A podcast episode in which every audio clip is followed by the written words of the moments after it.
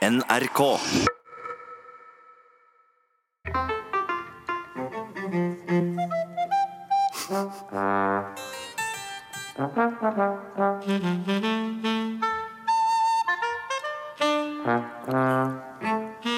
Snart ferdig nå. Hold ut. Snart ferdig. Fortsatt tolv instrumenter som gjenstår. Og der Der er vi nå. Velkommen til Tastepriv med Bård Harald. To timer med snakk, synspunkter, stemningsrapporter og småstoff, Harald. Ja. Saftig og salig snakkbar og musikk. Kanskje musikk eh, vi også er usikre på uttalen på. Ja. Og både når det gjelder artist og kanskje låt også. Ja. Låt Jeg har en følelse av at det er sånn ord som avslører at vi er gamle. Det er litt sånn, sånn gammel sånn musikersjanger. Sånn låt og skive. Jeg har samme følelse på det som jeg har når folk som sier sånn snøfjøl istedenfor snowboard, og tror at det liksom er Låt, Harald, er et veldig P3-ord. Og det er bra, eller? Eh, det lukter litt sånn statsstøtta kulhet, liksom. Ja, det gjør det. Men det er lørdag. og her sitter vi. Hva, hva er planen for lørdagen? Hva, hva er planen for resten av helgen? Nei, ikke så, jeg skal ikke noe spennende. Jeg skal til, skal til Sverige i helgen. I helgen, det vil si altså nå etterpå? Ja, det er bare to timers kjøring. Jeg skal um, Svigermor har et hus i Sverige. Ok. Så familien til kona er veldig sånn Sverige-fans. Og jeg må innrømme, jeg er også blitt veldig imponert av svenskene. Når jeg, jeg har jo sett på svensk TV hele livet, og de har jo alt det vi har, pluss litt til. Eksempel sånn naturprogram på svensk TV. Så viser de sånne planter og blomster som bare svenskene har. Sånn ja, bak her vokser gråfiol og charterroser. Titta på jättedvergliljorna der borte. Ja, det, det, det er sant. Det er et poeng. Og så har jeg alltid hatt en drøm om å få en sånn svensk kjæreste som dekker på sånn deilig frokostbord. For jeg tror at de har masse pålegg som vi har, pluss sånn pålegg som bare svenskene har. Hva da, for eksempel? Harald smaker på mine smørgroder med stoppet for slimper i. Er du selv å sende på litt gammel gredde på prinskorven? Vær snill applisere min smørgås med snopp på steg med hallonbeis på. Ja, det høres, Det høres, veldig, det høres som en perfekt start på dagen, rett og slett. Altså, jeg, jeg tror jeg ville digge å hilse på slekta til den svenske kjæresten min også. Hvorfor det? Jeg føler at svenskene har alle de slektskapsrelasjonene vi har, med fetter og kusine og sånn. Pluss at de har mange flere òg. Harald, Harald, jeg vil du skal hilse på min sværmoster. Nei, Ja. titta, min kjære fjollatante har kommet. Hilse på min fornøye gubbkusin. Hei på deg, gubb- gubbkusin. Men da er det sikkert det feil i forhold til meg. Ja. Nei, Harald. For deg, for deg ble ikke hun din gubbkusin, for deg ble hun din fittfarbror. Nei, Harald skal du aldri lære. Slektningene mine. er svenskene så forskjellige fra oss, Harald? Ja, de er det. De er, de er så like mye, men for eksempel oppunder jul, de har mye flere høytider enn oss rundt jul. De har jo i tillegg til alt det vi har, så har de 13. dopparedag i dag. Da skal man skrangle med reiskoppene. Og i morgen så er det Sankta Fimpa-dagen. Da måtte jeg rynke det med min juleklapper. Altså, jeg trodde jeg visste mye om Sverige. Jeg trodde jeg var ekspert. Men uh, Altså, dette her er helt nytt for meg. Svenskene har ikke bare har de de stedene på kroppen vi br bruker for å få det godt. De har noen ekstra også. Harald, vil du slikke meg på Johannesklump? Nei. Snälla, Harald gnissa meg hårt på vasavorten min. Nei. Nu, nu kan du penetrere meg. inte der. Penetrere meg hardt i midtsommarspricken. Det er bättre. For noen jenter, Ja, ass. For det, det, ja, og sånne jenter vil du aldri klare å tilfredsstille, Harald. Jeg vet det. Det er min store sorg. Jeg må holde meg til de norske jentene. Du må det, men det blir en drøm. Det var en fantastisk reise i Sverige. Jeg, har lyst til å dra til Sverige med deg, Harald. Kan jeg være med etterpå? Ja, det kan du selvfølgelig. Ja, det med. familien. Men, Men det du- blir fin sending. Bernander kommer, skal snakke om målstyring, Ja. og visjoner. Og de som er litt eldre, Andreas Diesen kommer. Ja, Rockepelle kommer. De som er enda eldre enn Andreas Diesen. så vi- skal vi snakke om den nye innvandrerfilmen Et spørsmål om respekt. Ja, og Halvdan Sivertsen skal få kjørt også. Ja, det skjer så mye! Det skal handle om språkforskning her i Tazdepriv. Nærmere bestemt forskning på sosiolekter. Dvs. Si snakkemåten til ulike sosiale grupper. Og du har forsket en del på sosiolekter, eh, professor Einar Vågheim. Ja, det stemmer. Jeg har sett nærmere på sosiale grupperingers ulike språkmønstre. Og det er ikke bare dialekten som skiller eh, språkbruken her i landet, altså geografisk, men også sosiale gruppene eh, har ulik språkform. Hvilke sosiale grupper er det du har sett på? Eh, Jeg har sett på forskjellig språkbruk mellom de normale og de tilbakestående, eller de ånse, som de også kalles. Eh, Så mm, det er de sosiale gruppene du har sett på. Ikke sånn vestkant, østkant, sånn rik, fattig Nei, eller nei, jeg har først og fremst sett på forskjellen mellom normalspråk og åndsespråk Det er det jeg har sett på. Hvilke forskjeller eh, er det Hvilke forskjeller er det du har funnet ut eh, rent sånn språkvitenskapelig mellom disse to? Ja, Hvis du tar for eksempel setningen 'Jeg vil gjerne tegne huset jeg bor i', så vil det på åndsespråk, østnorsk, lyd som følger Legg merke til forskjellen, hvorledes de øker tempoet, de begynner rolig, for å, for å få så det vi kaller for klagende tonefall utover i setningen. Ja, ja. Ja, legg merke til også hvordan de innfører såkalte tilleggsvokaler, eller såkalt hvilevokaler. I forhold til normalspråket har åndsespråket få eller ingen lydpauser. Ok, så Men det er ikke bare det at de utviklingshemmede noen ganger har problemer med å snakke, at det er derfor det er så Nei, store forskjeller? Nei, nei, nei, nei. La oss ta en annen setning. Nei. Setningen er for eksempel Jeg vil ha godteri nå med en gang, selv om det er tirsdag. Ikke sant? Da lyder på tilbakestående østnorsk vil det lyde cirka slik. Jeg vil godteri nå med en gang, tirsdag. Legg merke til hvordan a-en dras ut. Den tonale lengden øker, mens konsonantene dras sammen. Altså Intonasjonene på konsonantene svekkes. G-en får en applikasjon. Applikasjon, hva er det for noe? Ja, Det betyr at G-en blir guttural. Den, den settes langt bak i halsen. Den gutturallyden her har jeg funnet ut. Du, har- noen du har en sprekk på stemmen. eh, Hva, hva? Ja, det er det vi kaller for intonasjonsdifferens. Det er det mest typiske kjennetegnet vi har eh, på åndsespråk. Ok. Men altså, de, de, det du kaller for uh, åndsespråk, eller de utviklingshemmede språk, hvordan det du går fram når du forsker på det, egentlig? Ja, ja, ja, ja. Jeg har gjort feltarbeid. Jeg har, gjort feltarbeid. jeg har gjort noen eksperimenter hvor jeg har kjørt rundt med en isbil og byttet bort isen med grønnsaker, og sett på hvordan skuffelsen over manglende is kommer til uttrykk. Okay. På, eh, på normalspråk vil da språkbruken ofte være eksempel dette her. Hvorfor er det bare grønnsaker i isbilen din? Dette var jo skuffende. Vi hadde gledet oss til is, men, men. Ok, men det sier de på normal... Hva sier de ansatte? Hva sier de? På ansatte så er det sånn som dette her. Noe Ok. sånn som dette her. Hva, hva, hva, hva, Legg merke til hvordan hele setningen er trukket sammen, slik at Ja. alle bokstavene i setningen 'Hvorfor er det bare grønnsaker i isbildet?' Dette var jo skuffende, vi hadde gledet oss til is', men, men. Alle bokstavene har blitt stumme, da gjenstår bare rett og slett vokalmønsteret. Altså, Dette høres ut for meg, som ikke er språkforsker, mer som et fortvilt rop. Nja, da. nja, nja, At de er skuffa, og det er derfor så roper nja. de av fortvilelse. Ja, ja, det er forskjell. Hvis man for eksempel, et annet eksempel, har skiftet kanal på fjernsyn akkurat idet yndlingsprogrammet deres Hotell Cæsar begynner, og heller skru på Urix på NRK2, Ja. da vil man få setningen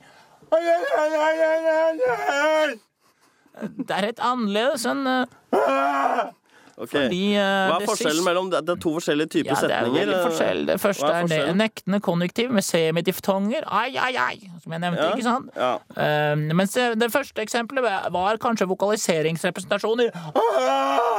Ok, Så det er en nyanse er her som spennende. du må nesten være ekspert kanskje for å høre. Ja, ja, ja, ja. Ok, men det, det er ganske store forskjeller mellom uh, da. Det du sier er Noen grupper utviklingshemmede snakker sånn, og såkalt normale snakker sånn, men det er ikke noe oppsiktsvekkende ved dette her. Altså slår du ikke inn åpne dører ved Nei, nei, å påvise nei, nei, nei. Det, altså, Visste du for eksempel at det er forskjell mellom, eh, forskjellen mellom normale og åndsete? Den varierer mellom ulike dialekter. Gjør den det? Ok. Mm, På, på Østlandet er forskjellen mellom normal og ånds ganske stor, mens andre steder i landet er den mindre. Hvor er forskjellen mellom normalspråk og åndsespråk eh, minst, da? Etter det jeg har funnet ut, er det Trøndelagsregionen, nærmere bestemt Indre Nord-Trøndelag. Ok. Mm, Ta setningen 'skal hilse og si det er mye multer i år', som da blir da Er det Det er da ånse indre nordtrøndersk uh, Nei, det var normalspråk der oppe.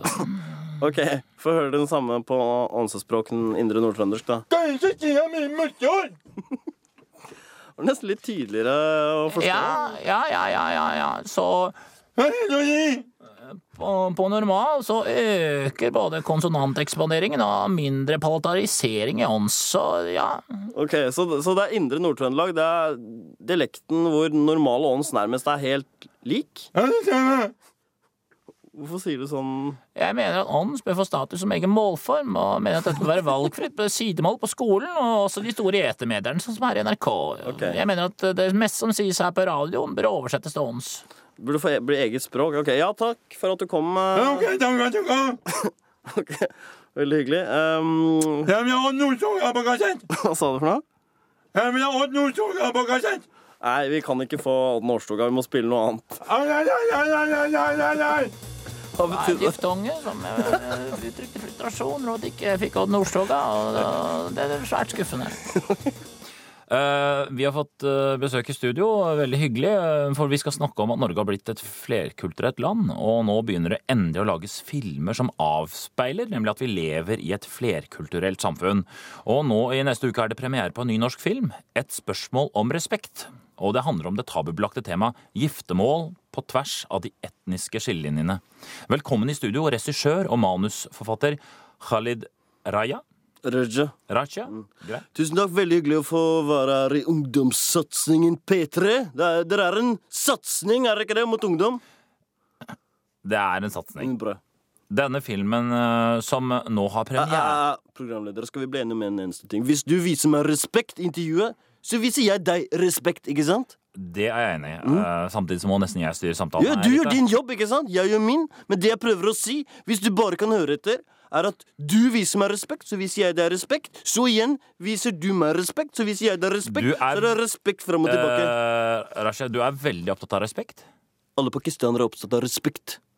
Det, det er mulig, men du er veldig opptatt av respekt. Ja, akkurat som Ikke alle unger er glad i godteri, ikke sant? men noen få unger er ekstremt glad i godteri. Nettopp. nettopp. Og alle pakistanere er glad i respekt. Jeg er utrolig glad i respekt. Jeg bare elsker respekt. Har du sett ønskelista mi til juleprogramleder? Den har jeg selvfølgelig ikke sett. Hvis du, eh, hvis du vil se eh, Du, vis meg litt respekt og si Nei, det har jeg ikke sett. Khalim, få se på ønskelista di til jul. Ja, ok, da. Se, det har jeg ikke sett, Khalim. Få se på ønskelista til jul. Se her. Få se her. På ønskelista mi. Se her. På Få se på første respekt. Det ser jeg. Ønske nummer to respekt, respekt, respekt, respekt. Odd Nordstogas siste. Respekt, respekt, respekt. Kristian Valens siste singel. Ikke hele plata, bare den triste singelen hvor han begynner å grine.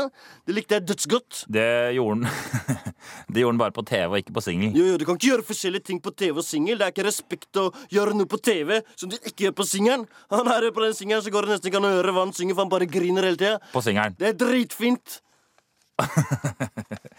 Få Så, så det er ønskelista di, Jeg er altså? ikke ferdig. Okay. Etter det kommer det respekt, respekt. Så er det DVD med Sigurd og Ronny, den komiserien til Numme og Gunnstrøm, hvor de reiser rundt i landet. Du lærer mer om Norge og ser se på ren alskens kjedelige historiebøker og samfunnsfagbøker. Er det mer? Alt det står på lista, det jeg sa nå. Respekt, respekt. Noen varme sokker, gjerne hjemmestrikka. Helst Vegard Ulvang-sokker. Greit. Noe mer? Eh, jeg er ikke ferdig med De der har sett en reklame hvor det er en sau inni vaskemaskinen. De Vegard Ulvang-sokkene. Det er dritstilig, og det er respekt. Det setter sauen på plass, for den er under mennesker i rang. Rangen er menneske, hund, hore, sau, horunge, rotte, bever, ilder, børstemann. Alt det skal Alt det skal presses ned under mennesket. Yes.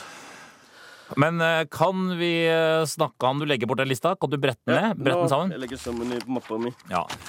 Du har med en plastmappe. ja, Ja. jeg laminerte den. Du er altså ute med en film. Et spørsmål om respekt. Den heter Et spørsmål om respekt! heter den. Den handler om Store bokstaver på respekt. Ja. um, På plakaten står det bare 'respekt' med kjempestore bokstaver. gjør det ikke det? Jo, du må ta forstyrrelsesglass for å si at det står et spørsmål om respekt! Står det med. Den handler i hvert fall om en pakistansk jente som forelsker seg og ønsker å gifte seg med en etnisk nordmann. Ja. Og dette er, det er vel et ganske kontroversielt tema? Det er ekstremt kontroversielt. skal jeg si det. H- h- Hvordan ser man på et sånt blandingsekteskap i det pakistanske miljøet?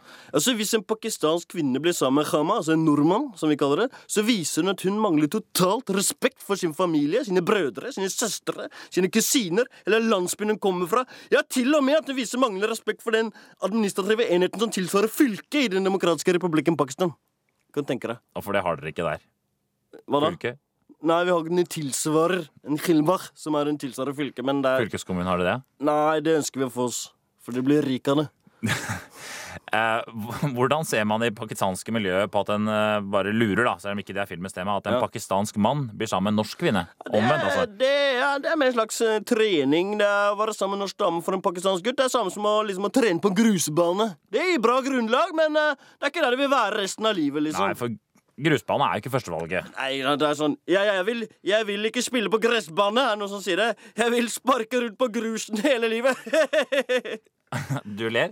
Jeg, jeg ler fordi det, det, det, for de snur om på hele tingenes rekkefølgeorden. rekkefølge og orden. Rekkefølgen er gressbane, grusbane, myr og spille fotball oppå en massegrav. Så når du snur om, så velter så kan, Ja, Men du, denne filmen handler om den umulige kjærligheten. Det er ja, det handler om. det handler om nettopp som du sier, umulig kjærlighet. Det er en pakistansk jente og en eh, nordmann som elsker hverandre så høyt. Og selv om familien er mot det, så elsker de hverandre så høyt at de velger kjærligheten. Trosser familien, velger hverandre. Klassisk kjærlighetsdrama. Ok, så det er hyggelig. Så det går bra til slutt. Ja da. De gifter seg. Nei, hun blir brent. Hun blir brent. Ja, De heller en etsende væske på henne, og så blir hun vansiret i fjeset. Da, da går folk ut av kinosalen og vet at familiens ære har blitt gjenopprettet. Så dette slutter lykkelig og fint. Dette er feel good film. Hun ble brent. Feel good. Hvordan går det med kvinnen, da?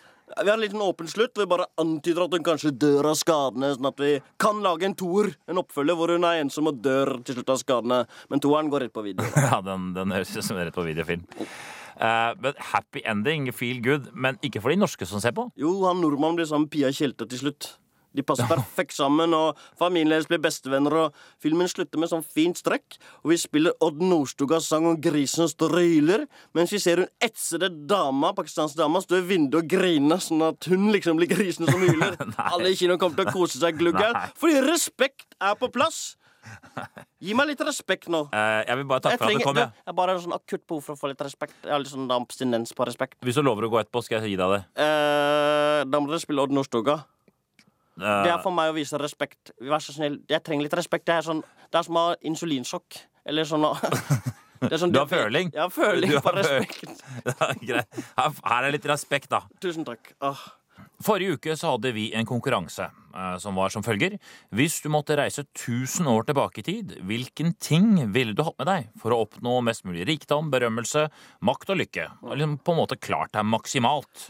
Folk har sendt inn mange forslag. Jeg syns jo det var litt mye tulleforslag denne gangen. Bård. Ja, det var kanskje Men det var sånn på skolen på en måte, i hvert fall, for eh, mange av oss at eh, hvis oppgaven var litt vanskelig og litt kjedelig, så begynte man å tulle. Uh, altså type vanskelig oppgave i geografi om Oslo-feltet, så ble det mye fleip og tull i klassen. Ledet av kanskje noen som ikke kunne så mye om Oslo-feltet, da. Kanskje nemlig meg. Dette, jeg må si, hvis jeg bare kan ta det først, dette kjenner jeg meg ikke igjen i. Hvorfor skal man tulle fordi man ikke skjønner noe? Det er jo, altså, det er jo Man tuller jo fordi man har gjennomskua ting. Det er jo ikke fordi man ikke har skjønt noe. Det blir helt motsatt av hvordan jeg har det Nå oppdager en- Nå er du inne på en side ved deg, Harald, som Atle Nå jobba ved Team Antonsen, så kalte Atle og Kristoffer den eh, personligheten din for Brille. Ja. Det var en egenskap jeg har sett i ti år, men hadde ikke funnet det perfekte navnet. Og, og det er som når noen hadde et omtrentlig forhold til fakta, da tar eh, Haralds personlighet som heter Brille over. Og Brille er opptatt av hva som er sant og, og ikke sant. Og Brillepersonligheten er sånn at eh, når noe ikke er korrekt, eh, så kan det ikke være morsomt. Ja, jeg vet dere mener det. Det er øh, Men ja, ja. Er det, stemmer det? Er det, ja det er riktig, det. Jeg husker en gang Atle sa Eskimoer har 42 ord for snø, og da sa du det er en myte. De har visst ikke 42 ord for snø. Nei. Jeg har lest en artikkel. ja, Den kan jeg godt ta med til deg. Ja. Dermed er det ikke morsomt. Nettopp. En sketsj hvor noen sier 'Gallepiggen er 2500 meter høy. Den er ikke morsom, fordi den er feil ifølge altså, det, altså, det kan være morsomt å si at Galdhøpiggen er 2500 meter høy hvis det er en dumming som sier det, og som kanskje helst faller og dør i løpet av sketsjen. da. Brille. Kan vi i hvert fall ta med noen tulleforslag? Ja, Som ikke vinner fordi det er tullete. Jeg har Mm. lyst til å ta Petter Kristors Kristersson fra Stavanger. Hvis jeg skulle ha med meg én ting til vikingtida, måtte det bli en fotball. Det er vel den eneste sjansen jeg får se til å Viking vinne noe. Og hva sier Brille til dette her? Til dette sier Brille Altså, da, du, altså du kan du, Det du kan, du ser ikke Viking vinne. Du kan eventuelt se et lag med vikinger vinne. Men om det er fotball de spiller, sånn som vi kjenner det, det er tvilsomt. Jeg tror ikke du klarer å få dem til å spille etter dine regler med offside og indirekte frispark. Og du kan, ja, du kan kanskje se én viking vinne, men er det i fotball? Du kan i hvert fall ikke se viking Eh, vinne. han Brille, eh, han merker han har ikke lyst til å dra på hyttetur med. Nei, jeg vet, mange ikke har Men vi er klart, hvis du vil ha en hyttetur med masse omtrentligheter og juks, så er det klart, da er brille ikke noe for deg. Nei. Men uh, hvis du vil ha en hyttetur med, hvor man følger reglene, og det er litt opplegg med Trivial Pursuit, og man ikke Da er Brille. jukser og ja. Brilletur. Neste. Eh, neste, skal jeg lese den? En boks pepperspray fordi den ville vært repende og et krydder i matveien. Ja. Hva sier Brille da? Eh, Brille sier det. Pepperspray er ikke noe krydder. Selv om det heter pepperspray, så betyr det ikke at det er pepper i det. Og poenget, Brille, det er ikke noe morsomt fordi det ikke stemmer. Ja, det er akkurat det som er poenget. Ja. Altså, det er mange som Altså, Grønland det er ikke grønt. Island er mer grønt enn Grønland. Og dessuten, pepperspray dreper Nei, dessuten det har du rett i, Brille. Så jeg skjønner generelt at mange har undervurdert det at det finnes jo ikke strøm og reservedeler i fortiden. Det er andre, mange andre som kommer inn på det. Tom fra Stavanger foreslår jeg ville tatt med digitalt kamera, sånn at jeg kunne lurt folka til å tro jeg hadde fanget dem inn i kamera. Eh, Det er jo riktig tenkt da, at eh, de sikkert var så overtroiske for 1000 år siden eh, at de ble helt Altså, de la seg helt flate. Mm. Men etter en uke og batteriet er oppbrukt, min venn, da ville de skjært deg til vikinglapskaus. Ja, fordi du har trodd du har fanget dem, og så plutselig virket ikke apparatet. Ja, overtroiske folk, folk er ofte, blir ofte veldig forbanna. Ja. Ja. Følelsesmennesker. Det er litt sånn som Vibeke Løkkeberg, egentlig. Imponeres fort, begeistres, og så forbanne igjen. De dreper deg. Kristine skriver Jeg hadde tatt med meg en dildo og dermed blitt rik på alle kvinnene som hadde vikinger til ektemenn, og som måtte finne på noe annet til de kom hjem fra tokt. Altså, Jeg på en side blir glad for at jenter foreslår sånne ting, samtidig til dere jenter rydde opp i egne rekker her. Dette Men- er, eh, Var, det en mangel på dildo eh, på den tiden? Var det ikke det? Altså, ja, var det det? Altså, Ting å putte opp i dåsa, det hadde jo Det kunne laga tre, sikkert. Litt for hardt, kanskje. Men, øh, men hvis, hun, hvis øh, hun her tenker på dildoer med batteri, som sikkert er deiligere, kan tenke meg, så ville jo vi fått batteriproblemet igjen. Du ville sluppe opp for Brille det. sier U. Ut med deg, Brille, Ja. sier den. Um, uh, Knut Helje og Per skriver Vi vil ta med et pornoblad siden alle damene der har bart og hår på brystet. Mm -hmm. uh, Brille, hva sier du? Nei, altså, Hvor har du det fra at de hadde mer bart og hår på brystet da? Det er det Brille sier. Mm. De hadde kanskje hår mer hår på leggene fordi de ikke voksa seg, men de hadde ikke noe hår på brystet. Den, på Brille, den brille kolon, eh, eller spørsmålstegn. Eh, hvor lang tid tilbake må vi for å finne kvinner som hadde mer hår enn i dag? Altså, Det vet man ikke per i dag, Bård, fordi hår brytes ned veldig fort. Man finner ikke noen hårrester i eh... Så her kom Brille til kort. Nei, briller kommer ikke til kort. Altså, Dette er en klassisk misforståelse av kunnskap. Man vet ikke alt. Tvert imot. Man vet veldig lite. Brille vet nemlig. Men- vi vet veldig lite. Greit, Brille, men hvis vi sier én million år tilbake istedenfor tusen år tilbake, så er vi med på riktig Ja, da er vi med på riktig. La meg opplyse da Du har bedt om dette her, men la meg opplyse om at sannsynligvis var vår siste felles stamfar eller stammor med menneske, eller med sjimpanse menneske, var fem-seks millioner år siden. Jeg hadde egentlig tenkt å legge til side brillene, Vi nå, men du lokker han fram. Vi legger Brille bort og tar de to beste forslagene fra denne uka. Ja. Skal vi gjøre det? Skal jeg lese den første? Ja. Eh, Thomas Alexander Skog. Det er ikke noe tullenavn, du hører det? det er ordentlig navn. Ja, ja. Jeg ville selvsagt ta med meg et skikkelig stort og detaljert historisk verk om den aktuelle perioden og reise til Roma. Der vil jeg utgi meg som astrolog og hviske mine spådommer i øret på de innflytelsesrike herrer like før det skulle skje. Slik vil jeg raskt jobbe meg opp til å bli pavens høyre hånd. Eh, Historieverket bør være på norsk og inneholde en norsk-latinsk ordbok som vedlegg. Dette er veldig smart, fordi du er den eneste som kan norsk. og er moderne norsk, i hvert fall. Så ingen andre kan forstå deg. Derfor så vil ingen kunne ta fra deg boka heller. Nei, altså Den boka for å gjelde var helt avhengig av deg. Bare du vil Ja, kunne tyde den. Og det er smart. veldig lurt. Pluss at det å være i Roma er bra. Ja. Det er mye bedre å være i Roma på den tiden enn Norge. Ja. Eh, Å være konge i Norge er som å være ordfører på Finse, kanskje. På den tiden, ja. altså, du er sjef, men hva får du? Kanskje en pels? Altså, Å være konge på den tiden i Norge Det var masse vondt øl og stygge brosjer. Når man pynta seg, så bare lesser man på mange tunge ting som gjør det var slitsomt å gå. Altså, det å være leder på den tida var veldig usunt liv også. Masse drikkekonkurranser og skal drikke av deg under bordet og masse feit mat og aldri trene, aldri sushi, aldri mage fisk. Dette er jo et usunt liv, bare å være rik. Så være drikke annenhver lørdag, det er ideelt for deg, Brille. ja. Brillemann? Så Roma lokker mer for meg. Det er, det er mer luksus å ta der. Det er druer, fersk frukt. Og de drikkegreiene hadde ikke tatt av helt sånn som det har gjort nå, dessverre. Kunne du tenkt deg å vært konge i Roma nå, Brille? Nå, nei! Det er for mye drikking. Eh, jeg gidder ikke. Du gidder ikke. Nei, Men tror du kanskje det har vært marihuana i gamle romertiden? Det virker Kanskje de tygde opium, det vet jeg ikke. ikke veldig fristende. Det er jo øh, masse kvinner, så mye du vil. Litt aksept for seksuelle perversjoner, selv i Vatikanet på den tiden, føler jeg. Hvilke perversjoner ville du realisert hvis du var mektig? Jeg kan ikke si så mye, bare si tre ord. Jenter pluss jenter. eh, og meg. Ja. Det, nå føler jeg at du var, Brille var borte, og Harald var oppe her igjen. okay. Ta neste, neste som vi ser på som en slags vinner, da. ja. I samme kategori som Thomas er Øyvind Skeis forslag. Jeg ville tatt med meg et leksikon som hadde fortalt meg om alt mulig. Jeg ville ha kunnet blitt respektert som en stor vitenskapsmann og alkjemiker. Han mener vel her alkemi, men han kan jo ikke lage gull selv om du har leksikon, da. Ja, Greit, men vi må godta en glipp, tross alt. Ikke vær så streng, Brille. Jeg kunne, så sier han videre, jeg kunne til og med blitt den nye Leonardo da Vinci. Igjen fotnote fra meg her. Det kunne du ikke. Du kan ikke lære å male vakre malerier selv om du har et leksikon. Du må ikke overvurdere leksikonets kraft heller. Det er det dummeste du gjør. Ja. Og så skriver han hvis jeg hadde blitt syk, øh, og det er det vanskelig å unngå på den tiden, vil leksikonet vise hvordan jeg kunne kurere meg selv og andre. Igjen må jeg komme med fotnotebord. Her må du åpenbart ha tatt en leksikon om meg, for når ble du sist frisk av å lese om en sykdom du har? Altså, Du kan ikke kurere en leversykdom for eksempel, ved å lese leksikon hvis du ikke har medikamenter eller operasjoner eller leger. Ja, greit. Og øh, ja, Så generelt Generelt så syns jeg han overvurderer leksikon. Jeg syns at han med, med den historiske boka er best. Han øh, som vil ha med deg nå, han heter da Thomas Alexander Skog, er vinneren. Ja, han er vinneren i år. Det var uten på en måte br- brillebrister. Ja, det er akkurat det. Ja. Uh, en annen uh, ting som uh, Men det jeg vil innvende mot han fyren her, som sendte inn en historisk verk, var at la oss si da det sto i denne historiske verket Kong Astofeles kommer til å bli utsatt for et attentat 5. mai. Du må hindre det. Ikke sant? Tenker Ja, han. ja, ja. Jeg må hindre det. Så hindrer han det. Dermed har han forandret historiens gang. Og dermed vil ikke historieverket lenger ha gyldighet, Bård. Skjønner du? Du reiser tilbake, tilbake til framtiden. Ja, jeg skjønner. Brille har rett. Ja, Brilla har rett allikevel. Folkens, hør hva Brille sier. Ja, så det er godt å ha briller Kanskje iblant. Brille burde dratt uh, 1000 år tilbake? Jeg lurer på, jeg Du burde hatt med deg briller, rett og slett. Du har hatt med deg rett og slett briller ned dit. Jeg vet hva jeg ville hatt med. Hva da? Jeg ville hatt med et stort, veldig nøyaktig kart. Som jeg eh, ville hjem til kappen min. Jeg ville dratt til Roma, selvfølgelig. Kopiert en liten flik av kartet mitt, kanskje bare for Roma-området der, og sagt sånn OK, de kartene dere har nå, det holder ikke mål, de er unøyaktige og rotete. Her er et nøyaktig kart over Roma. rappe, de ville banka av Brille og tatt kartet ditt. Nei, men jeg ville, jeg ville skjult hovedkartet og gitt ut duplikerte små kladdeversjoner av det arket hele tiden. Nei, kartet. Og dermed så ville jeg være rik og velstående og kunne ha masse Nei, jenter. jeg syns masse- historieverket er bedre å ta med seg det der kartet. De vil tatt det fra deg, Brille. Du har ikke Brille sjans. Thomas Alexander Skog er ukas vinner. Eh, gratulerer.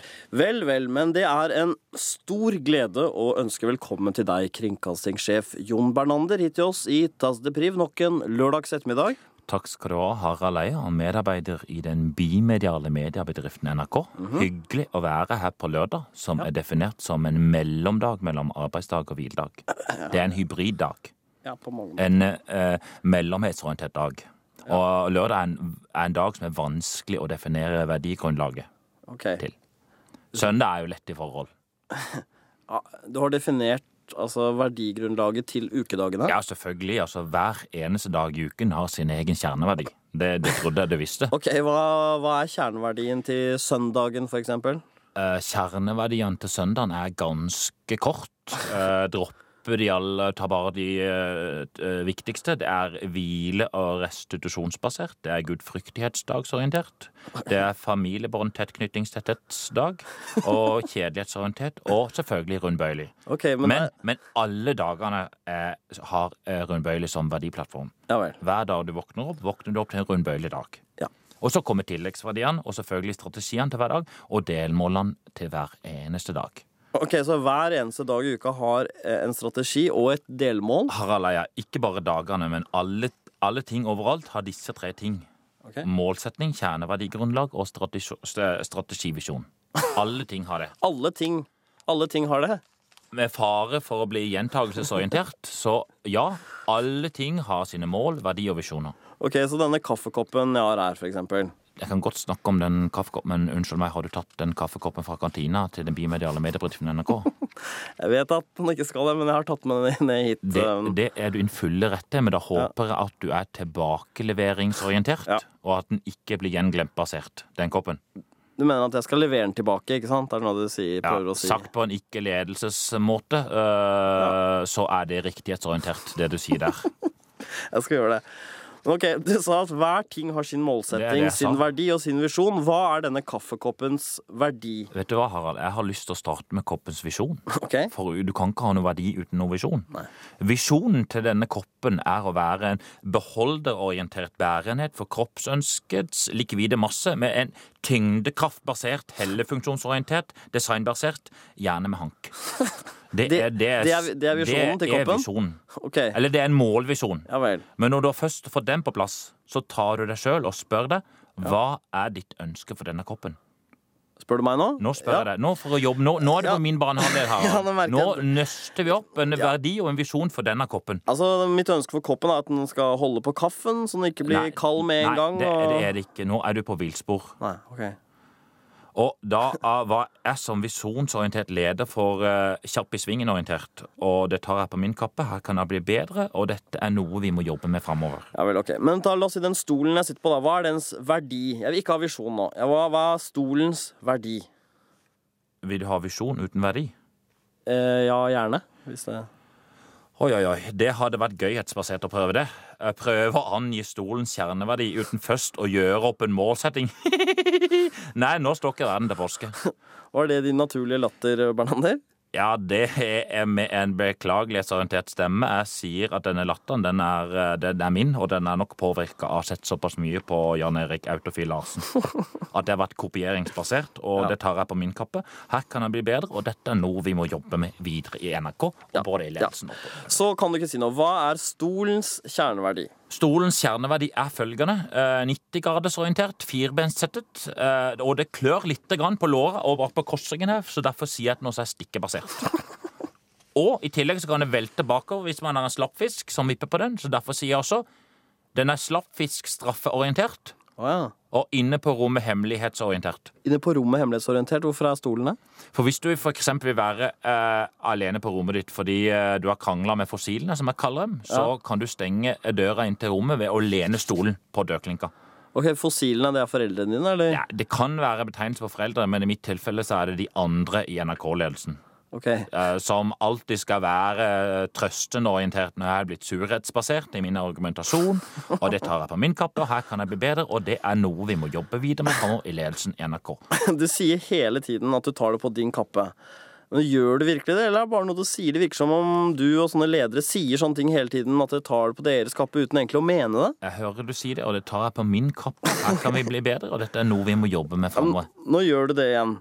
Altså, Istedenfor å svare på kritikken, så bare dysser du ned den ved å si at dette skal vi se på, dette skal vi jobbe med, og ta det på din kappe. Skal du jobbe med det når jeg sier det, eller skal du Altså, Hvis du får et inntrykk av at mine beklagelser ikke er ærlighetsorientert, Ja. men at det går på en autopilotbasert verdi, og at det bare er en avledningsorientert og går rundt grøten-basert virksomhet, vel, så tar jeg det på min kappe. Her kan jeg bli bedre, og dette er noe vi må jobbe videre med framover. Både i ledelsen ok, i så jeg kommer tydeligvis ikke lenger her med det samme 13. svaret hele tiden. Og kommer du ikke videre, så skal vi ta det på vår kappe og jobbe videre med. Ja, men du gjentar jo bare det du sier hele tiden. Men det er Prøv å greit. være sjef en gang sjøl, da! Og se hva du kan få til da! Hvor lett det er! Oi, du var plutselig en ekte person eh, et sekund der, eller? Nå skal jeg bare i dette øyeblikk begynne å bli beklagelighetsorientert og skrive et beklagelighetsorientert nyhetsbrev hvor jeg redegjør for denne glippen, at det var en engangsorientert hendelse. Og så litt generelt eh, tåkeleggingsorientert prat om at vi må stå sammen, også ledelsen. Jobbe videre med verdiene våre. Hvilke er det, da? Forsmådelig, påstendelig, okay. vannprektig, eh, andrevelig og rundskaffenhetsbøyelighetsorientert. Okay. Og selvfølgelig bimedialt. Du skal skrive enda et nyhetsbrev til dine ansatte om strategi, visjon og verdi i NRK. Er, er det en Ja, Harald Eia. Eh, nyhetsbrev. Hvis du antyder at du er lei nyhetsbrev, er du klar over det, Harald? At da betyr det også at du er lei rapp? Betyr det det? Hvorfor betyr det det? Fordi rapp er ungdommens nyhetsbrev. Det er i rappen ungdommen kan snakke om sine eh, frustrasjonsbaserte ting. Ok, Men også definere sine gledesvisjoner og sine ønskemålsetninger. Det er det som er rapp for deg, ja. Ja, Samtidig kan de si noe poetisk orientert om det å være eh, i eh, det vi i NRK kaller målgruppe 17 til 25 år. Ok. Det, definert ut fra fødeår og levealder. Ja. Minus eh, kanskje nåværende årstall. Ja, Du kjenner ungdommen eh, Husk at mange av disse ungdommene er jevngamle med Julius, Sara. Ja, det er sant. Ikke sant? De, de, de, er, de er mye yngre enn oss. De Ja. forbinder Rolf Løvland med Nocturne, og ikke med Barkmann i Bobbysocks. Ja, for det. Du, jeg gleder meg forresten til serien om norsk rocks historie kommer, kommer til å ta for seg Nocturne. Det gleder jeg meg til. Du gleder deg til det? Ja, det er Neste uke så er det Nocturne sin tur. Hun der på Filluin er dritfin. Ja, hun er og trolsk. Tror du Rolf Løvland er kjæresten med henne? Tror du? Jeg veit ikke. Jeg har ikke, jeg vet ikke Vel, det får vi vite i Norsk Rocks historie neste uke, og det gleder jeg meg til. Spørs det, altså. Nocturne. Også de der i Banana Airlines. Ja. De som synger sånn tullete. Ja. Synd at de er oppløst, egentlig. De burde gjort som Finn Kalvik, spilt inn låtene sine om igjen med Praha symfoniorkester. Ja, Vet du hva jeg skal sørge for når jeg sitter her nå? Kan jeg si Polf, jeg skal sørge for at de får spille med Kringkastingsorkesteret. Ja. Sånn at de får Banana Airlines Ghost Symphonic. Nei, nå prater jeg meg bort. Nå blir jeg altfor nocturne-distrahet-basert. Og hva var det vi skulle? Vi skulle egentlig bare runde av etter denne Nå kom jeg på jeg skulle rappe for det. Uh, Om at rapp er ungdommens nyhetsbrev. Nei, du trenger egentlig ikke gjøre det, altså. Jo, det skal jeg gjøre, for da du blir alltid så flau og varm i toppen orientert når jeg gjør det. Og det er fordi du har motstand mot nyhetsbrev, og det skal vi få slutt på. Her kommer også min eh, rapp om eh, at rapp er ungdommens nyhetsbrev. Er du lei av skolen og dine lærere? Frustrert fordi de ikke er rundbøyelige nok? Øre rundbøyelige nok? Kan du lage noen sånn lyd, Harald? Sånn rappelyd. Det syns jeg er stilig. Jeg kan få slippe å være så svær. Nå er du veldig selvhøytidelighetsorientert, Ja, Harald. Men ok. Ja. Er du lei av dine foreldre og stadig mas og kjas? Og lekser som må gjøres og annen mas? Kj- Kjas og mas.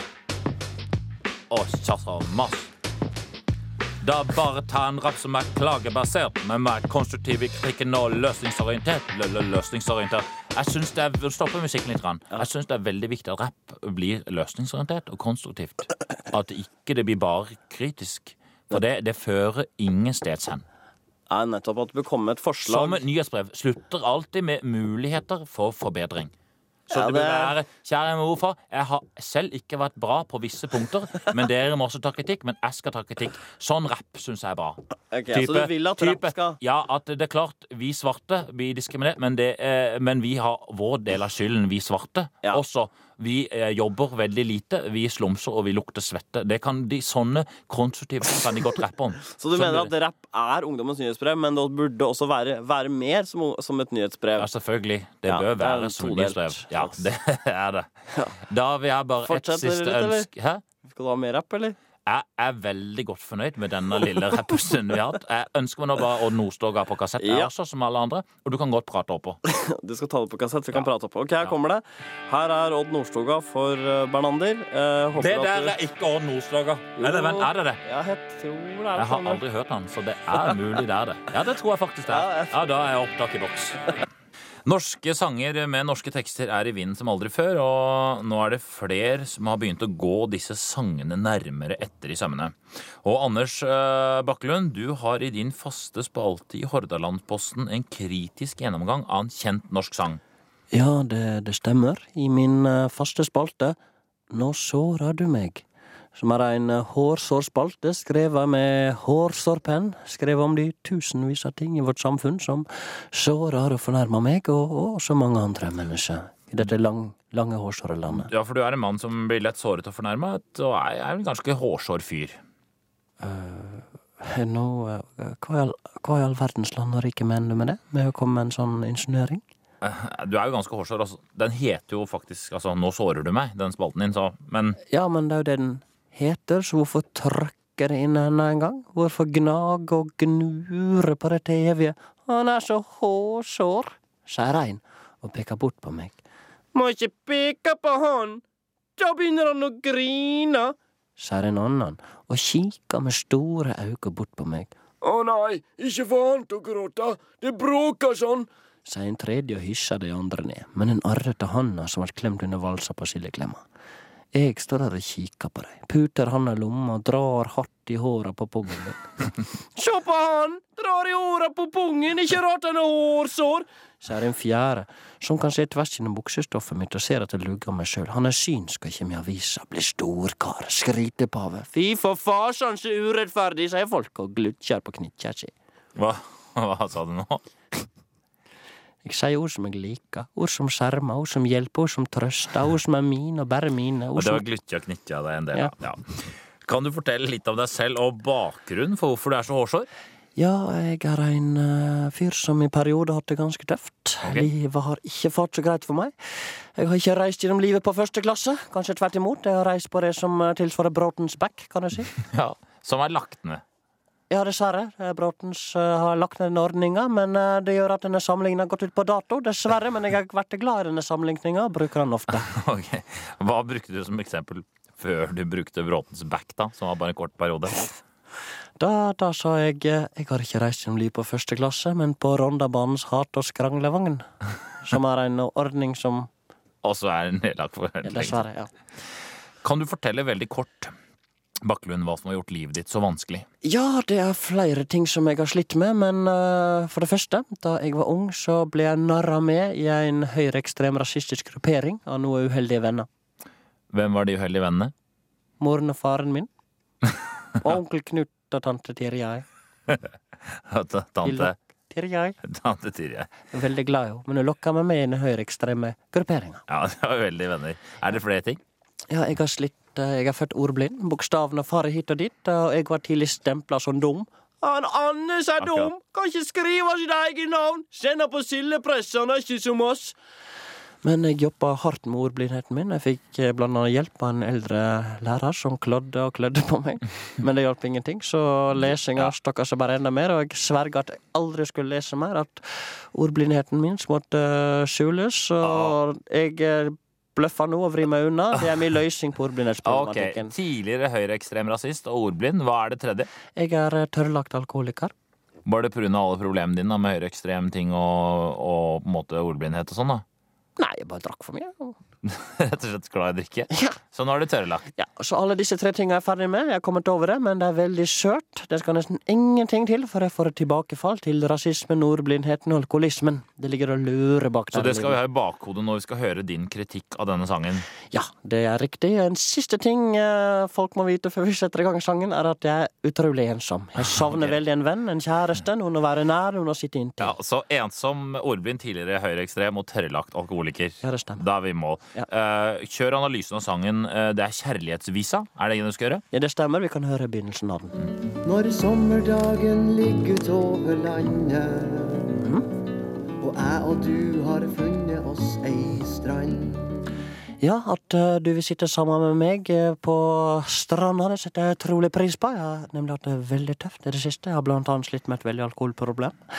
Men dette her, vennskap og kjærlighet med deg, det, det betyr så mye for meg. En alkoholfri tilværelse sammen med deg, det er selve frelsa, så det setter jeg veldig pris på. Men så kommer Og fire kalde pils ligger nedi vannet Ja. Da sprakk jeg som en dong. Da du gir meg fire pils, da begynner jeg å drikke igjen. Og mye vil ha mer, og faen vil ha flere. Da er jeg tilbake på alkoholismevogna igjen. Takk skal du ha. Takk skal du faen meg ha. Men eh, gudskjelov, den høyreekstreme holdninga mi holder jeg fortsatt i sjakk. Det betyr enormt mye for meg at min politisk ekstreme holdning ikke vekkes opp igjen. Og vi er brun og fin og hand i hand Ja, så du er brun i holdningen din rent politisk. Greit. Som sagt, jeg var kommet ut av det, men nå detter jeg ut på den høyreekstreme brunholdningen. Jeg er så nå blitt alkoholiker, som eh, har lyst til å banke opp noen pakkisere og noen sotrør og arrestere alle jøder. Så tusen takk skal du faen meg ha, Halvdan Sivertsen, for at du lot meg på den galeien. Heldigvis så har jeg fortsatt ordblindheten min i sjakk. Eller eh, jeg har klart å skjule den for deg, og det er bra, for jeg får enormt dårlig sjøltillit av å snakke om den. Så jeg, jeg vil ikke at det skal være noe tema, for da drikker jeg enda mer og blir enda mer rasistisk hvis ordblindheten kommer opp på noen måte. Når vi har prata om ei bok vi liker Og alt er bra og ikke til å tru Ja, alt er bra ikke til å tro, for jeg har faktisk ikke lest en eneste bok i hele mitt liv, så da skal du spørre meg hvilken bok jeg liker. Så vel, da den samtalen blir kort. Og nå blir det et tema, da rakner det fullstendig for meg, altså Halvdan Sivertsen. Dette er så langt unna en kjærlighetsvise som det går an å komme, og du kan ta de 10 000 tommeltottene dine og stikke dem opp i det hemoroideherjede rasshølet ditt, og jeg skal gå og stå rundt og synge la, la, la, la, la, la, for du har nå gjort meg til en av Norges farligste og mest ulykkelige personer. Du har ødelagt livet mitt, rett og slett. Ja, da er kritikken din ferdig, er den ikke det?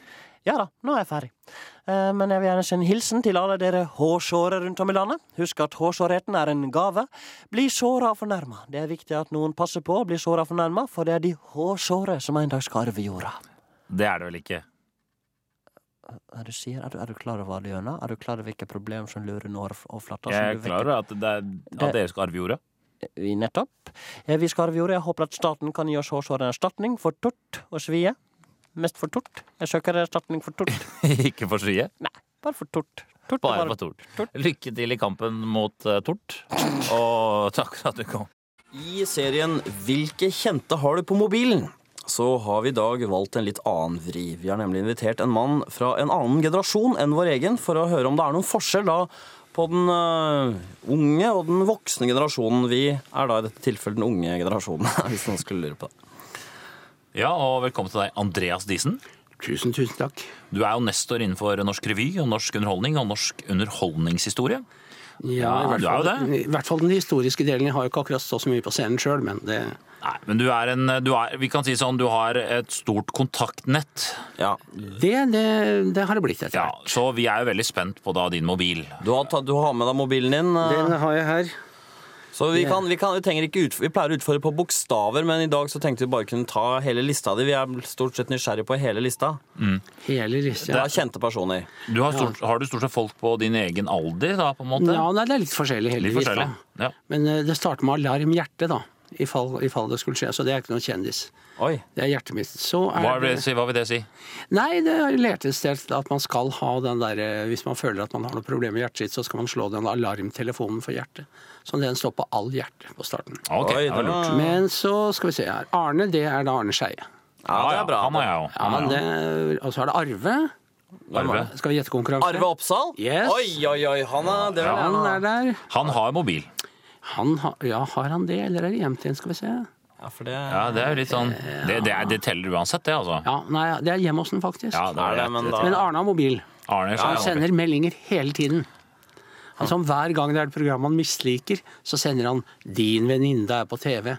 'Din venn er på TV'. Og det er et tegn på at han ikke liker det? Ja, det er et tegn på at det er noen han vil påstå at dette liker du, men ikke. Psykopat. Ja. Ikke hans. Eh, Så har vi Bjørn Sand. ja. Også Stutum, ja. Stutum, ja. Han har mobil. Ja. To. Mannen bak, eh, mannen bak eh, Fleksnes, Bosse Hermansson. Jeg får ikke godkjent den for lyttere. Ja. Dag, Frø Dag Frøland. Den får godkjent så vidt. Ja. Nei, den får godkjent. Ja da, jeg var litt streng, igjen. jeg nå. Ja, ja, nå er du veldig streng. Eh, Dan Børge Akerø, går det? Ja. Ja, det, det, det det er toppers Espen Eck på. Det han var her for et par uker siden. Men, ja. øh, men øh, det er mye fra den, samme bransjen. Er, er du, har du liksom politikere og Forfatter og sånn, har du det? Nei, jeg har ikke Kjendiskokker? Ja, altså, du vet, Det er veldig mange, veldig mange i denne bransjen jeg er i da, som har skrevet bøker. Den eneste som ikke har skrevet av de, er vel i grunnen til og med Arne Skeie har skrevet bok. Ja. Fler. Spørrekonkurransebøker og alt mulig. Men, men er det i din eh, generasjon var det mer vanntette skott mellom bransjene? Nei da, nei da. Altså, det var noe som het Presseklubben presseklubb, Få meg for å låne tenner. Presseklubben i gamle dager. Eh, og der satt journalistene og musikerne og revyskuespillerne. Ok, Så det var samrøre, sånn som det er nå? Samrøre. deilig til samrøre. Ja, okay. Så der mandagsklubber og sånn som har kommet senere, det, det var det definitivt på presseklubben på femte etasje på Rosekjelleren. Men du, det, jeg lurer på, når, du, når man kommer på en viss alder, så, så er det jo det at folk eh, dør. Eh, hadde du nummeret til Erik Bye, for eksempel? Ja, jeg hadde nummeret til Erik, ja. Når sletter du nummeret til de som dør? Sletter du med en gang du får vite det, eller venter du? Nei, altså det er jo ikke det første jeg tenker på. Det, det, er, det er jo mange rare prosesser som går gjennom hodet ditt når et menneske blir borte. Men du, av og til så sitter du og leter etter et navn, og så, og så ser du å ja, nei. Det er vel ikke noe vits i å ha det nummeret lenger. Sånn at uh, det var ikke så mange dagene etter at han gikk bort at jeg slettet ham. Det er, er, trist, er det trist? Det må være trist å slette fra Ja, nå er det jo sånn da at det, er ikke plass, det er ikke plass til eh, en evig mengde med herrer eller damer på en sånn eh, mobil. Eh, sånn at eh, Jeg, jeg, det er jeg, jeg, jeg, jeg sletter herrer, heller herrer enn damer, da, for å si det sånn. Ja, det er greit. Og så er det er klart det er jo trist å beholde noen døde og presse ut noen levende på, en måte, på lista di. Ja, ja. jeg mista jo faren min før sommeren, og jeg husker at jeg sletta nummeret hans. Et skvatt da jeg så det nummeret. Og så sletta jeg, og så var det veldig sånn Det var liksom en Ja. Avsluttet et eller annet. Ja, miniseremoni. Ja, det er, det er For du får jo sånn Er du sikker på at du vil slette far mobil? ja. Oh. Ja, ja det, jeg Det må si det. Jeg kom på den nå. At Og så ser det, de forsvinner, Når du sletter den, så forsvinner den sånn sakte ut. Sånn, Ja. Ja, det er ut i verdensrommet, liksom. Ja, det Men det som er problemet med, holdt på å si, eh, ettersom jeg da har en del skuespillere av en viss alder, og, og skuespillerinner av en viss alder her, så er det jo det at eh, om jeg fjerner dem fra min mobil, så fins det altså tonn med video av dem.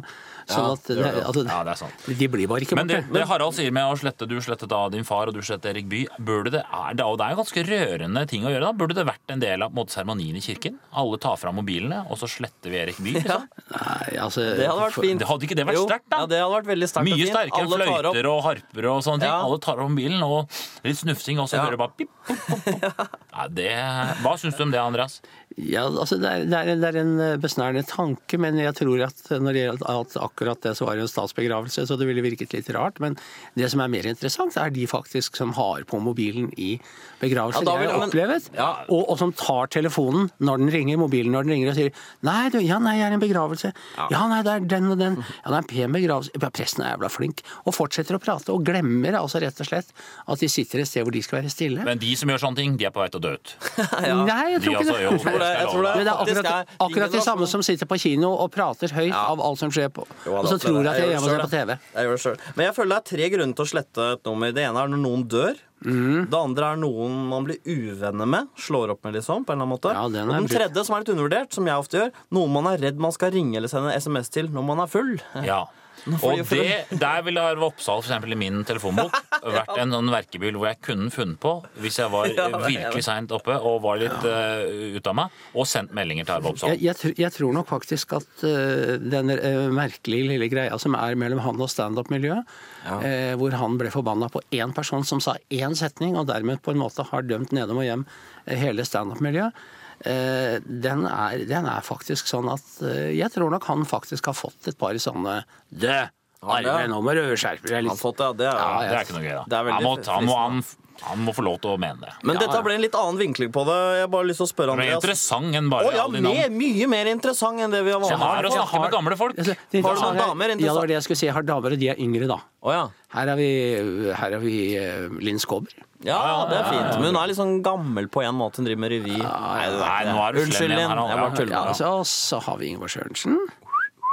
Ingeborg Sørensen. Selveste Ja, ja, ja. Valentinerballet. Oi, Ja, den store dronningen. Og så har jeg eh, en som jeg er stormende begeistret for hver gang hun er på TV og radio. Det er Kari Slottsveen. Å, hun er flott. Ja, ja, flott. Nei, så jeg du, du, har. Og Bjørnov. ja, er Du, er, du, er på A, du heter jo A. Andreas. Heter hender det ofte at du blir lommeringt? At noen Ja. ringer til deg ren Ja. vannvare? Ja. Det, det er, eh, og det er spesielt eh, en god venn av meg som jeg har nevnt blant de som er på min mobil. Arve Oppsal? Nei, Han ringer hjemmefra. Lommeringer hjemmefra. Da- Hvor han har Fasttelefon. fasttelefonen i lomma. Dan Børge har meg faktisk Han helt forrest omtrent.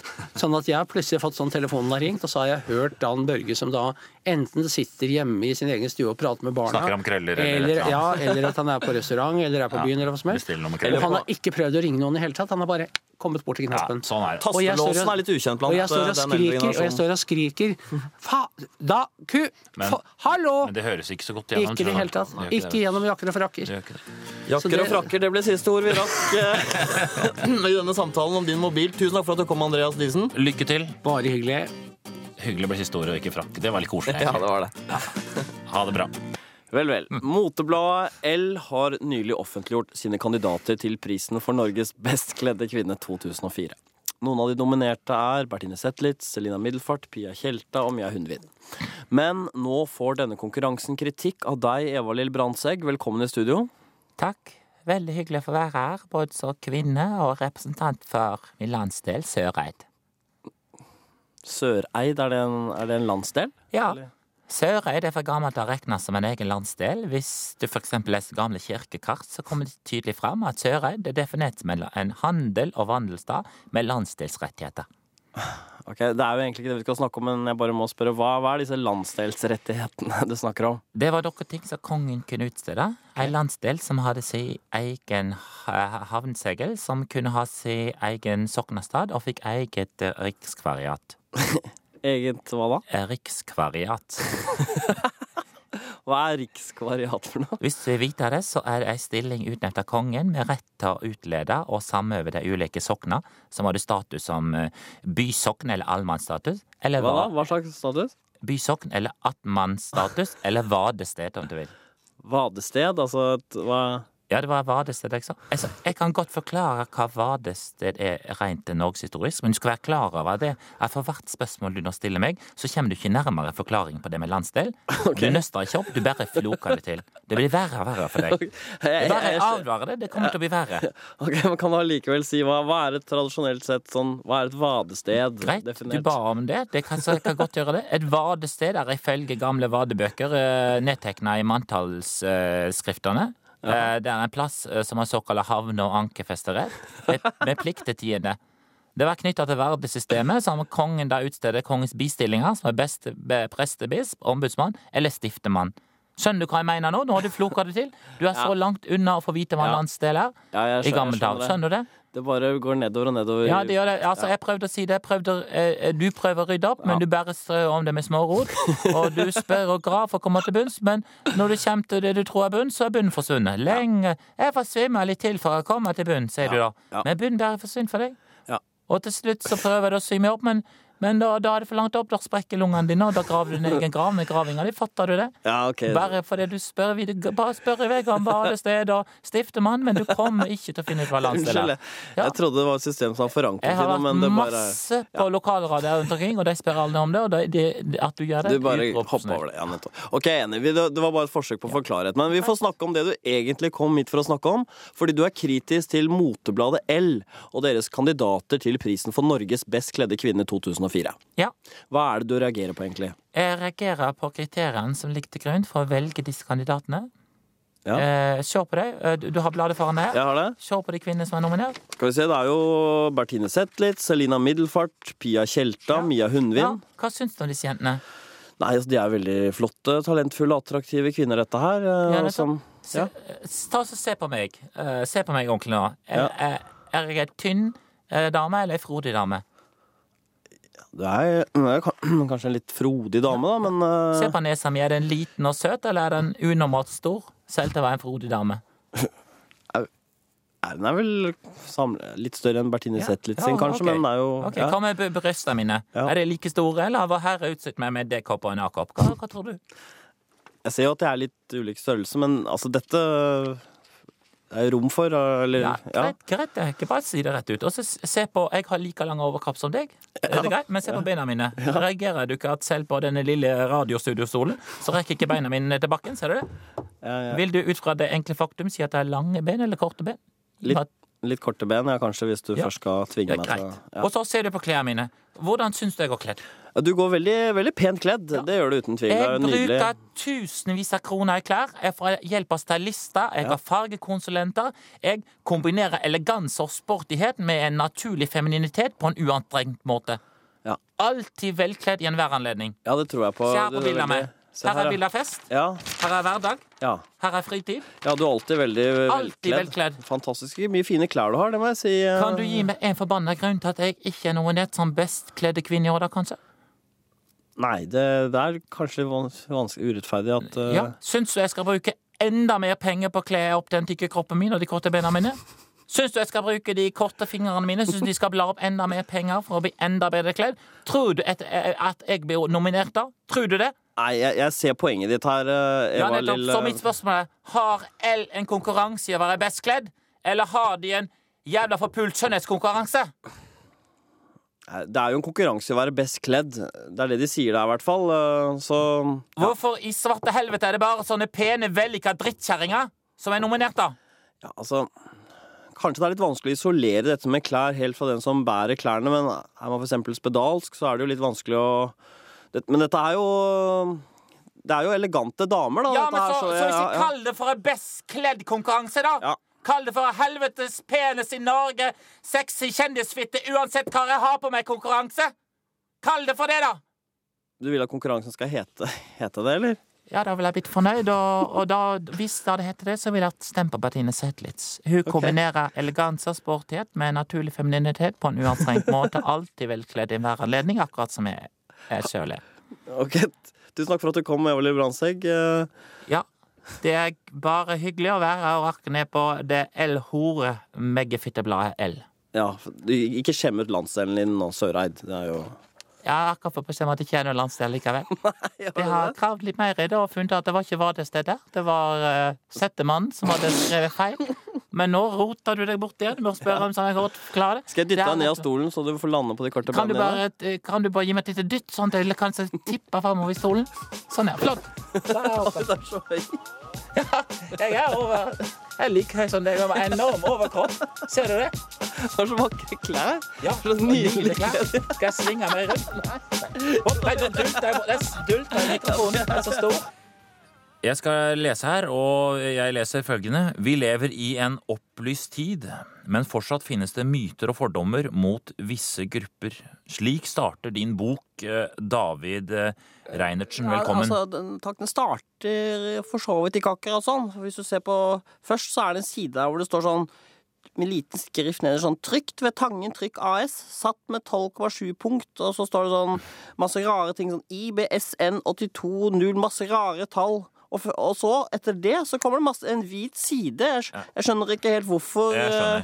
eh, det er akkurat, Har de ikke klart å beregne antall sider? Liksom, har det, hvorfor har de satt noen blanke sider til slutt også? Så det, det jeg frykter, er at kritikerne får denne boka og bare skriver i anmeldelsen Denne boka var elendig, det var bare blanke sider i begynnelsen, så den handlet ikke om noen ting. Jeg bare lukket den ned. Det var stod noe om Tangen trykk og IBSN-nummer og sånn. Det er det jeg frykter. Ja, frykter Når forlaget ikke gir et skrift fra første stund, hvorfor skal de ha de blanke sidene foran deg? Men etter hvert så kommer jo øh, boka di, og eh, jeg tror ikke du skal bekymre deg så mye for det. Ja, men for det, det kommer jo teksten du har skrevet. Ja, men den begynner først på side fem.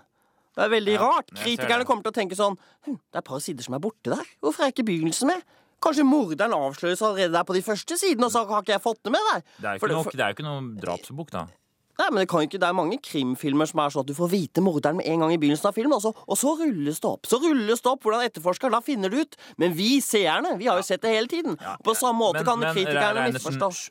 eh, Det kommer tydelig fram når boka begynner, altså. Ja, tror du det? Tror du det? jeg, jeg, altså, jeg er 99,99 ,99 sikker på at det ikke blir noe problem. Altså her er Veldig hyggelig at du sier det. Allerede her så merker du hvor engstelig og urolig jeg er som menneske. Og det er fordi jeg har vokst opp i en verden som jeg føler jeg ikke kan stole på. Jeg har vokst opp i omgivelser hvor jeg ikke kan ha noe tillit. Ja, ja for, for, for du, er, du er født med noe som du mener har gjort at uh, andre mennesker har behandlet deg fordomsfullt. Ja. Kan du fortelle lytterne hva det er ved deg som gjør at eh, du føler du har vokst opp i en verden uh, hvor du føler du ikke kan stole på noen? Det kan jeg godt gjøre. Uh. Kan du gjøre noe? Ja, jeg har det som uh, kalles rødt hår. Og i tillegg til det Ujevn pigmentfordeling i fjeset. Ja, og fregner, som man kaller det. Ja, mange, jeg la merke til det. Mange kaller det for fregner. Og din bok handler jo om å ha rødt hår og fregner. Ja, den gjør. Den handler om de ti store mytene som finnes om rødt hår og fregner. Du mener det fins ti hovedmyter om dere med rødt hår og fregner? Ja, altså Det finnes jo like mange myter om rødt hår og fregner som det som finnes fregner i mitt eget fjes. Altså, det, Ja, For det er flere enn ti. ja, det er, Nå er det vel 120, men eh, 290 om sommeren. Ja, 290 det blir flere, flere om sommeren. Ja, veldig merkelig. Jeg aner ikke de, de, de vokser. Jeg er vel oppe i sånn 180 ved påsketider, og ved Olsok så er jeg på mest, fre, mest fregnete stadiet. Da er det et rent rent eh, fregne-eldorado. Skråstrek Freine Helvete. Stryk det som ikke passer. Ja. Du. Du har altså skrevet en bok som handler om de ti myter om, om, ti myter om folk med rødt hår og fregner. Eh, Du setter opp mytene først, og så har du fakta etterpå som avliver og avviser de mytene. Ja, det stemmer. Jeg tilbakeviser disse mytene. Jeg driver dem tilbake dit de hører hjemme, nemlig på mørkeloftet. Opp på mørkeloftet med dem. Men du driver jo opp på mørkeloftet, men du, du vil ikke avlive mytene, altså? Nei, jeg, jeg har jeg har rett og slett ikke hjerte til å avlive dem. Det, det blir for, det blir for røft. Kan vi få høre myte nummer én om rødt hår og fregner? Ja, Myte nummer én. Folk med rødt hår og fregner er mer hissige og begynner lettere å grine enn andre. Fakta? Ingen fregner er like. Ok, ingen fregner er like. Nei, Hvis du ser på en fregner i et mikroskop, så ser du at hver eneste fregner er unik. Alle har sin egen tekstur, sitt eget mønster. Ingen fregner er helt like. Det er, det er ikke det utrolig? Ja, Det er litt sånn som snøkrystaller. Ja, litt av en snøkrystall, liksom. At ingen av de er like. Jeg, jeg syns det litt for spesielt og sært. Men uh, når, alle, når det snør at ingen altså, ja, ja, Men- Jeg syns det blir litt Jeg syns Men fregner da. Ja, men, men hvordan Men hvordan eh, litt på en måte ødelegge myten, eller gjendrive myten opp på loftet, som du vil ha det, om at dere med rødt hår og fregner er hissige og gråter? Mye ved å si at ingen fregner er like. Hvordan kan de fakta på en måte ødelegge? Jeg skjønner ikke helt. Fordi grunnen til at vi er sinte og er grinepaver, er at folk hele tiden holder på å bare er rødt og fregner, gitt at det går an. Hvis vi da sier sånn Visste dere at hver fregner er unik? Bare kom og se. Det er ikke noe farlig. Kom og kikk på fregnene mine. Bare kom. Og når vi da lakker dem helt inntil Kom nærmere, kom nærmere. kom nærmere. Og de står og myser for å se på fregnene. Da skaller vi dem rett ned, så det går deis i bakken. Men, og da forsvinner myten om at dere er hissige? Ja, Kan det hende at de slår hodet, og at det senteret i hjernen hvor myter og fantasier og sånn sitter, får seg en kraftig smell? Dermed er myten borte. Forsvunnet. Og vi er fri! Fri fra fregnemytens tyranni. Nummer én. Ja. Ja, nummer én. Eh, Kan du ta neste myte, da? Myte nummer to. Folk med rødt hår og fregner debuterer seksuelt seinere enn gjennomsnittet. Hva er fakta på det? Fakta? Er det så rart, da? Er det fakta? Ja. Ikke skyld på oss. Vi er jo klare som et egg, vi. Så du innrømmer her at dere faktisk debuterer litt seinere seksuelt, og, og det er ikke en myte? Nei, dessverre. Det er sant, dessverre. Men, men målet, målet er at det skal bli en myte en dag i fremtiden. Og så avlive den etter det, da, på en måte. Ja. Og, eller på Mørkeløft, da. Men Ja. eh, ungdomsorganisasjonen vår har foreslått å leie inn prostituerte for å få ned debutalderssnittet. Men det har møtt motbør, selvfølgelig, fra den konservative høyrefløyen i Rødt og Feineforeningen. Kan dere ikke ha sex med hverandre, da? Nei, Hvem er det som gidder å ha sex med noen med Rødt og Freinar? Ikke jeg, i hvert fall. Eh, Hvorfor ikke det? har det sjøl. Det er så mye penere med glatt hud. Jeg syns fregnene ser skitten ut. Det, noen ganger skulle jeg ønske jeg kunne skrubbe dem av, skr skjære dem og nappe ut det røde håret, så hårsekkene begynner å skjønne. De har levert en hårtype jeg ikke vil ha. De må komme opp noe bedre. Det er en straff. Men det, er- det er jo mange som Jeg også. Det er fint med rødt hår. Det er flere som farger håret sitt rødt, til og med. Ja, men det er ingen som farger sånn blastrødt sånn som jeg er, da. Har du sett det en gang? Se på meg. nei jeg er enig i det. Ja, de Altså, farger sånn gøyalt rødt, Jo, sånn henna-rødt eller sånn rød-oransje. Og, de kan jo bare gå tilbake til sitt blonde eller mørke farge hvis de vil, mens jeg er stuck med det røde håret. Du, er ingen, du liker ikke at andre farger håret sitt rødt, altså? det er som å leke at du sitter i rullestol. Ok. Vi eh, rekker en siste myte. Myte nummer tre. Folk med rødt hår og fregner har også rødt hår på tissen. Hva, eh, hva er fakta på det? Fakta. Mange blonde har også rødlig hår på tissen. Ja, men er det, er det å avlive noe? Det er jo bare å si at, bare å si at flere har det. Hvor Ja, men- avliv? Ja, men Da vanner du ut myten, liksom. Du fordeler myten på flere. Det er det med smøre myten utover på folk. Så Ok, Men du bare bekrefter at det er rødt hår nedentil. og Da innrømmer du at ikke det er en my myte lenger, eller? vet du hva, sånn som du holder på, vet vet du hva det høres ut som? Nei. Det høres ut som en fyr med rødt hår og fregner. Du er så kranglete og vriompeis og kverulerende. Og hadde jeg ikke visst bedre, så hadde jeg trodd du gikk med parykk under det pistrete håret. Du, du, er det litt rødskjær i det lyse håret ditt, eller? Litt rødskjær har jeg det. På sommeren er det Det er ikke helt fregnefritt på den nesa der, da? Nei, kan hende jeg får en fregne, ja. Å, lite fladur! Rødt hår og fregner, henger på greiner. Ok, så det er, Rødt sånn, hår og sånn, fregner. det er sånn dere holder på internt. Ja, det er kjempeproblem. Forferdelig. Forferdelig. Men samtidig, vi, det er noen svarte sier nigga. Fucking nigga! De, de har lov til å gjøre det. De kan gjøre det, men andre har ikke lov.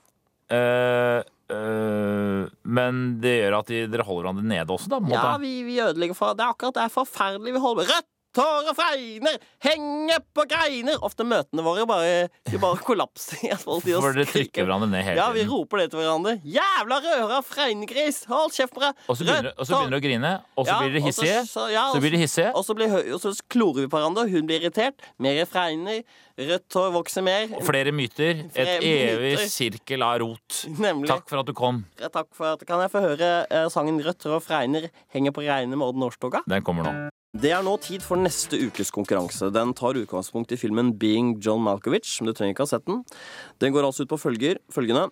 Hvis du kunne flytte inn i kroppen til en annen norsk kjendis i løpet av dagen Altså hvis du i- én dag kunne flytte inn i kroppen til en annen norsk kjendis, hvem ville du A. helst flyttet inn i? Og B.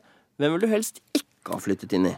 Ja, Det er sånn dobbeltkonkurranse. Altså, du kan til to spor. Ja. Eh, hvem ville du helst flytte inn i? Hvem ville du ikke har flyttet inn i? Mm. Og, og hvilket liv vil du helst ha levd? Og, og husk at eh, du beholder din egen personlighet. Du er ikke i styringen her. Det er veldig viktig.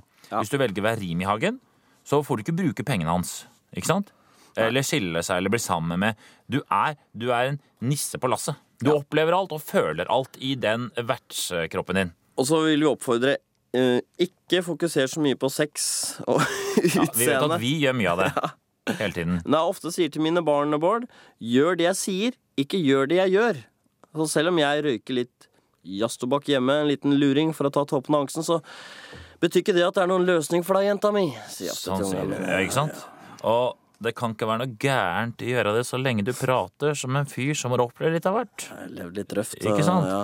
Kan ikke bo noe vondt en fyr som prater som dette her. Og Derfor er det lurt å si jenta mi. Jeg har blitt såra, jeg har hatt det tøft, men nå er jeg på rett side. Jeg prøver å gjøre det riktig her. Ja, avsporing. Vi pleier jo å, egentlig å spørre det motsatte spørsmål til hverandre, men det er ikke så lett her, siden vi spør om begge deler. Så det motsatte her blir liksom mer øh, hvem hadde det vært helt ok å ta bolig for en dag, sånn midt på treet? Helt ok å bo i Nei, Kanskje vært helt ok å, være, å bo i Gaute Grøta grav. Ja, det er sant. Det er sånn, kanskje en fest. Passe populær. Litt draget på jentene, men ikke sånn veldig heller. er sånn vanlig, liksom. Men neste ukes konkurranse, altså. Flytt inn i en kjent eh, persons kropp for eh, i et døgn. Hvem vil du vært i, hvem vil du ikke vært i? Det er lite som vekker så mye avsky og negative følelser hos oss nordmenn som den skikken som er utbredt i store deler av Øst-Afrika, nemlig skikken med omskjæring av kvinner. Og antropolog Karsten Leikvåg, velkommen i studio. Takk, det var veldig modig og hyggelig gjort av deg å ta meg. Ja, for du har arbeidet mange år i Somalia som antropolog, og du mener at vi i Vesten har fått et eh, feilaktig inntrykk av denne omskjæringsskikken. Ja, Fremstillingen i Vesten er av denne flere tusen år gamle tradisjonen med omskjæring av kvinner er et eksempel på kulturimperialisme på sitt verste. Altså Med kulturimperialisme så mener jeg da hvor vi i Vesten setter vår, oss på vår høye hest og sier at vår måte å leve på, slik bør alle leve. Vi tror at vi har funnet fasiten, hvordan man skal være, og hvordan man skal forholde seg til livet generelt, og underlivet spesielt. Du du mener altså at vi i Vesten vi presser vårt syn på seksualitet og kjønn på andre kulturer? Ja. Folk fra Vesten mener jo at eh, kvinnelige kjønnslepper er vakre.